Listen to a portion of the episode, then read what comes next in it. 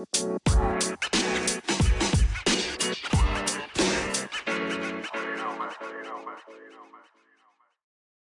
hey, super tof dat je luistert naar een nieuwe aflevering van de Positief met Pubers podcast.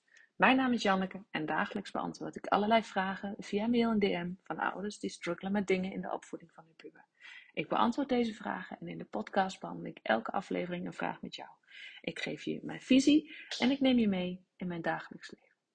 Mocht je dat nog niet gedaan hebben, abonneer je dan op deze podcast, zodat je geen aflevering meer mist. En als je deze podcast tof vindt, geef het dan zoveel mogelijk sterren of een positieve review. Hoe meer positieve reviews, hoe meer platforms als Spotify en Apple Podcasts deze podcast gaan aanbevelen aan andere ouders die deze podcast nog niet kennen. Daardoor kan ik groeien met deze podcast. Maar wat ik nog belangrijker vind, daardoor kan ik nog meer ouders bereiken die met soortgelijke struggles zitten als dat jij misschien zit. Je zou me enorm plezier mee doen. Dus dank je wel alvast.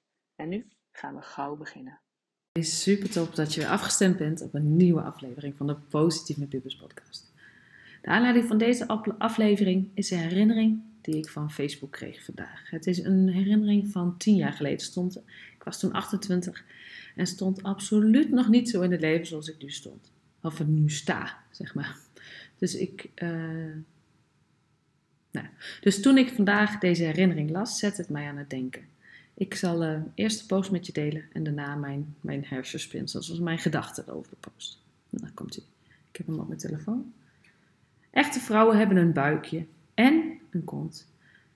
Als je aankomt, wordt er gepraat. Als je afvalt, vermoedt men anorexia. Als je je mooi kleedt, ben je verwaand. Als je eenvoudig kleedt, verwaarloos je jezelf. Als je huilt, ben je zwak.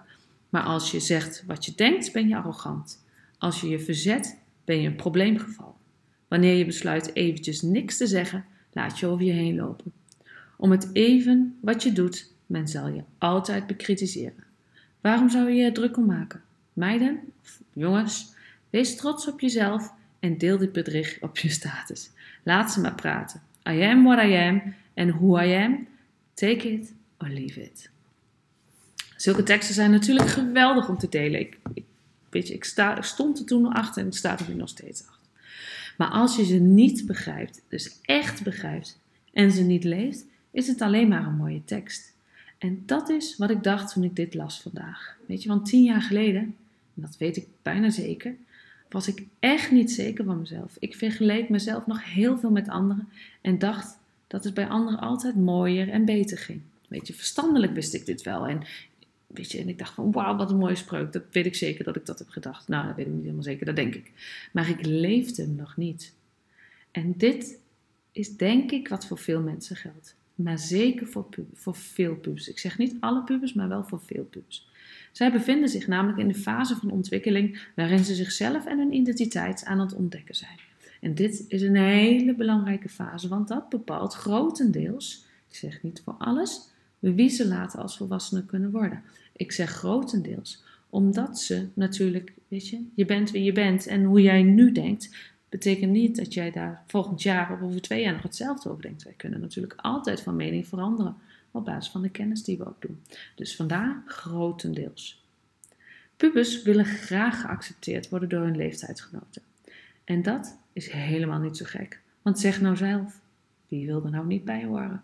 Weet je, en dat is ook vanuit de oertijd is dat gewoon super belangrijk. Want ons brein is, nou ja, ons oerbrein, laten we het daar dan over hebben.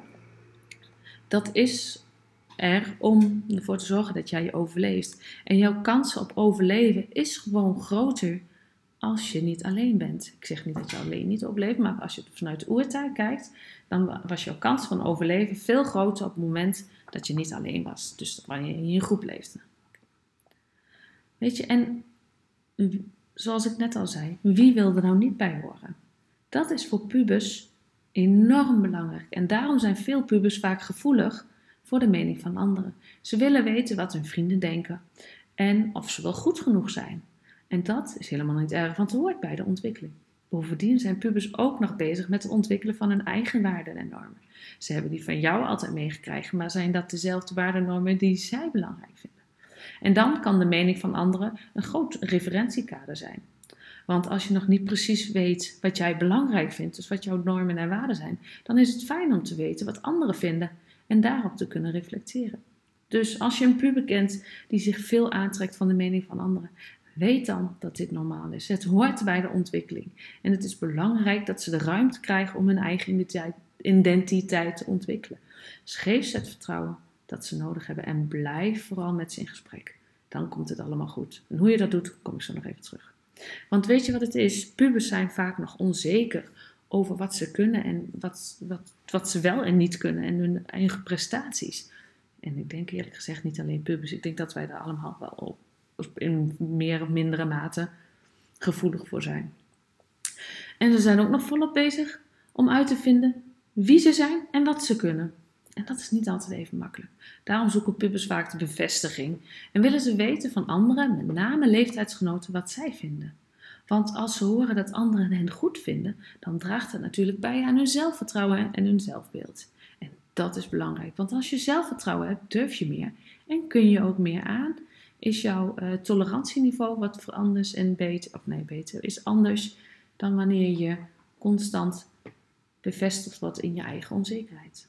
Maar helaas kan het ook leiden door tot onzekerheid en angst om buiten de groep te vallen. Want als je een idee hebt dat anderen jou niet goed genoeg vinden, of als je het idee hebt dat de, het, de smaak die je hebt, de mening die je hebt, anders is dan anderen en daar wordt erop aangesproken, dan kan dat behoorlijk pijnlijk zijn. En pubers willen er graag bij horen. We als mens willen we graag bij een groep horen. Dat vinden we fijn. En als ze het gevoel hebben dat dat niet zo is, kan dat behoorlijk wat stress opleveren. Dus ook hier weer, als je een puber hebt die zich veel aantrekt van de mening van anderen, weet dan dat dit vooral te maken heeft met onzekerheid. Geef ze dan het vertrouwen dat ze nodig hebben en help ze om meer zelfvertrouwen op te bouwen. Dan kunnen ze die mening van anderen wat meer loslaten en hun eigen weg gaan. En wie weet, Misschien worden ze wel de persoon die ze altijd al willen hadden willen zijn. Maar wanneer dan, vraag je je dan misschien af. Hoe lang duurt dat dan? Nou, het proces van het ontwikkelen van een eigen identiteit en het ontwikkelen van zelfvertrouwen is eigenlijk een continu proces. Ik denk dat jij er ook nog steeds in zit. Ik zit er in ieder geval nog steeds in. Dus dit betekent dat het niet binnen een bepaalde periode afgerond is, maar dat ze zich blijven ontwikkelen gedurende de puberteit, gedurende de ontwikkeling naar volwassenheid. En soms ik weet wel zeker, tot ver in de volwassenheid. Want wij leren elke dag. En ons zelfvertrouwen groeit elke dag of krijgt een klap elke dag. Het is net hoe je het bekijkt. Het is belangrijk om te onthouden dat dit proces bij iedere puber anders verloopt en dat het soms langer kan duren bij de een dan bij de andere. Het belangrijkste is voor jou om geduldig te blijven en de puber, jouw puber, te blijven ondersteunen en aan te moedigen om zichzelf te ontdekken en te ontwikkelen en in actie te komen. Dus als volwassene, als ouder, verzorger, mentor, coach, nou ja, professional, wat dan ook, is het daarom enorm belangrijk om open te blijven staan voor gesprekken en vragen die je puber kan hebben of die de puber kan hebben en ze de ruimte te geven om te groeien en zichzelf te ontdekken. Met geduld, begrip en steun zullen pubers uiteindelijk leren om te gaan met de mening van anderen en hun eigen identiteit ontwikkelen. Nou ja, wat kan je dan als ouder doen? Weet je, als volwassene, als betrokkenen, verzorger, nou ja, hoe je het ook wil noemen, kun je op verschillende manieren begrip tonen, eh, ruimte geven, eh, steun geven, geduld hebben voor de gevoelens van onzekerheid en angst van pubers.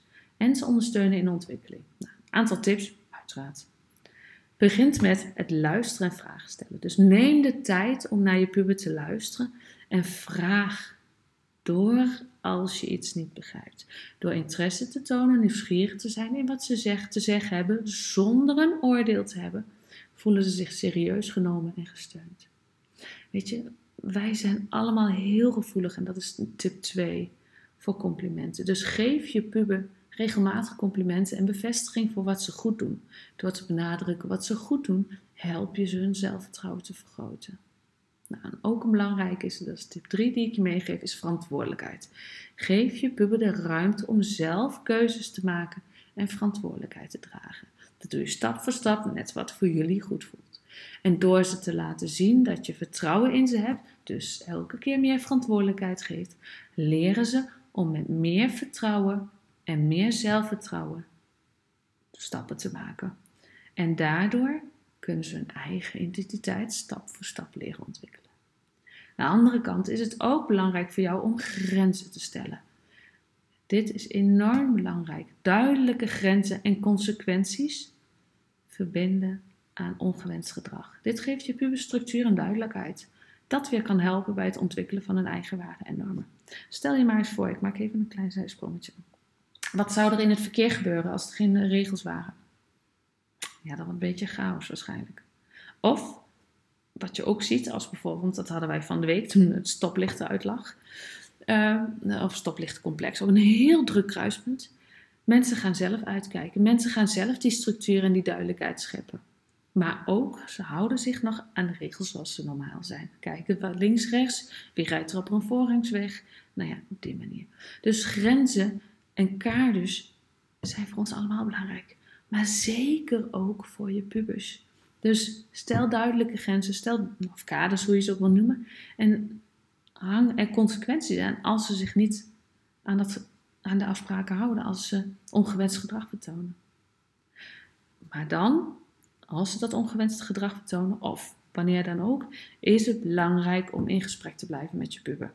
Ook als het even wat minder goed gaat. Door open te blijven staan voor hun vragen en gevoelens, help je ze bij het ontwikkelen van hun eigen identiteit en zelfvertrouwen. Door begrip te tonen en je puber te ondersteunen bij een ontwikkeling, help je ze om te leren omgaan met de mening van anderen en zichzelf te beter leren kennen. Dus luister en stel vragen. Geef ze complimenten, geef ze stap voor stap verantwoordelijkheid. Stel wel duidelijke kaders en blijf communiceren. Oké? Oké, nou, dat was hem voor vandaag. Ik hoop dat het je weer inzicht heeft gegeven. Mocht je willen reageren of suggesties hebben voor de podcast, kan dat natuurlijk. Zoek me dan even op via Insta of stuur me een mailtje via info.conductien.nl. Wanneer je deze podcast waardevol vond, deel hem dan op je social media kanaal of met iemand die er wat aan heeft. En heb je dat nog niet gedaan? Ik weet dat je bij Spotify een aantal sterren kan geven. Het is nog geen minuutje werk. Geef een aantal sterren als je de podcastaflevering, als je deze aflevering hebt geluisterd. Dan help jij mij en heel veel andere ouders om de podcast nog zichtbaarder te maken voor mensen die deze podcast nog niet kennen. Daarmee help je mij enorm en daarmee help je ook alle andere ouders van pubers. Dankjewel voor het luisteren en tot de volgende keer.